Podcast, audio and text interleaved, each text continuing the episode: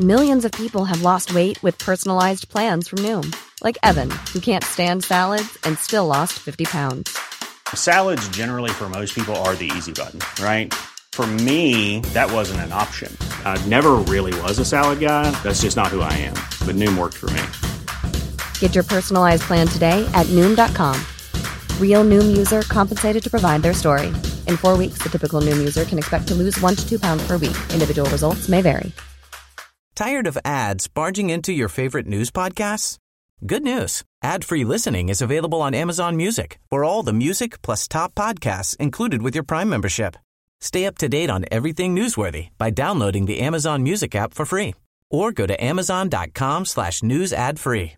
That's amazon.com slash news ad free to catch up on the latest episodes without the ads. Hej alla fotbollsälskare där ute! Vet ni vad?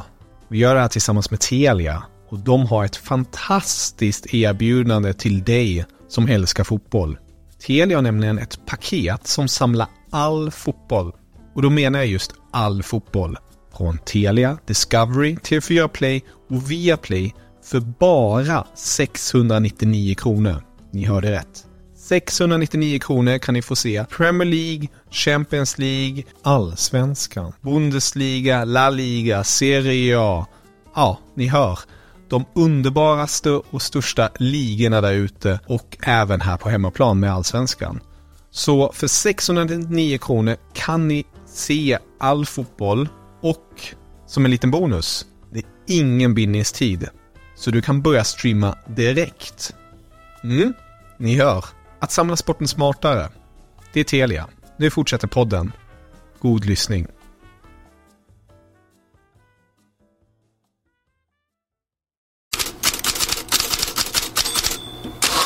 God morgon. Det är en svår morgon att prata fotboll. Två svenska supportrar sköts igår kväll ihjäl i Bryssel i vad som betecknas som ett terrordåd. Matchen Belgien-Sverige bröts i halvtid.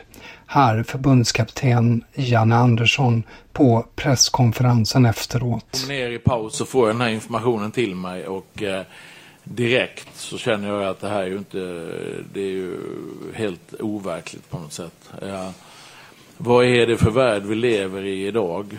Um, denna fruktansvärda händelse finns inte bara i allas våra tankar denna morgon. Den präglar också det internationella nyhetsflöde som jag följer under de tidiga morgontimmarna. L'horreur, fasan, det är det enda rubrikordet över hela första sidan på belgiska tidningen La Dernière Heure idag. Het Laatste News har bilder från dådet och rubriken Dödade på väg till fotboll.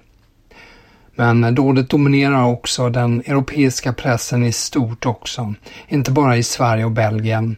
Både spanska Marca och italienska Gazzetta dello Sport gör rubriker på att terrorn kom till fotbollen men också att det inte är första gången och påminner om exempelvis Stade de France 2015.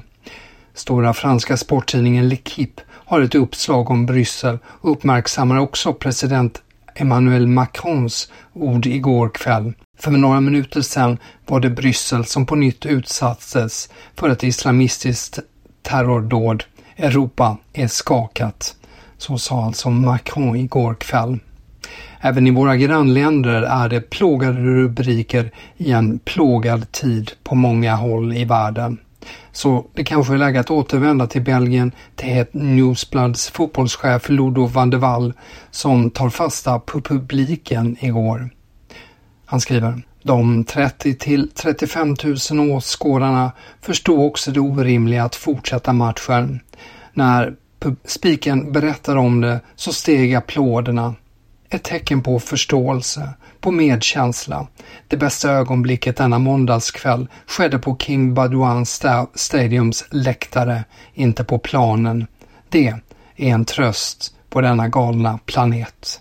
Så skriver alltså Het Nosebloods fotbollschef Ludo van der Walle.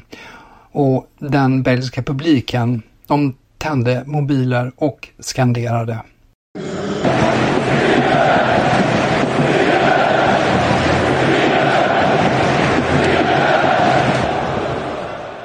Sammanhållning mellan fansen i en svår tid.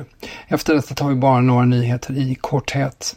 Zlatan Ibrahimovic har tidigare bekräftat samtal med Milan om en framtid tillsammans och nu understryker Milans ägare Gary Cardinali intresset. Han säger Zlatan är en legendar. Vi har ett ungt lag och jag tror någon som Zlatan kan vara väldigt framgångsrik både som rådgivare till mig och med ledarskapsbyggande anda till laget. Så det är upp till honom. Så säger alltså Cardinale. De flesta engelska sportätter har förbundskapten Gareth Southgate på bild som slår tillbaka mot de som buar landslagets egna spelare, senast Jordan Henderson. If I just select on popularity contest, then our team would look very, very different. People may disagree with Jordan's stance or decision, given the stance he's taken in the past to support the LGBT community.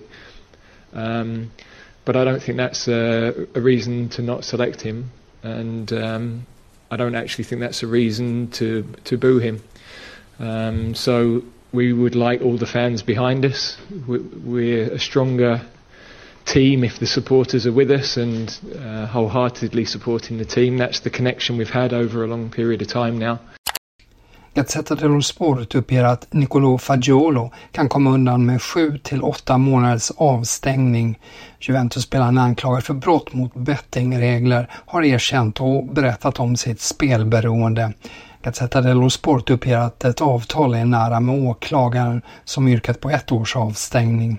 Även Sandro Tonali är beredd att medge och förhandla med åklagare medan Nicolo Saniolo nekar till anklagelser om bettingbrott.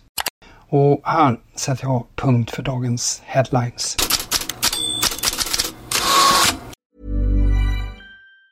Tired of ads barging into your favorite news podcasts? Good news. Ad-free listening is available on Amazon Music for all the music plus top podcasts included with your Prime membership. Stay up to date on everything newsworthy by downloading the Amazon Music app for free or go to amazon.com slash news ad free. That's amazon.com slash news ad free to catch up on the latest episodes without the ads.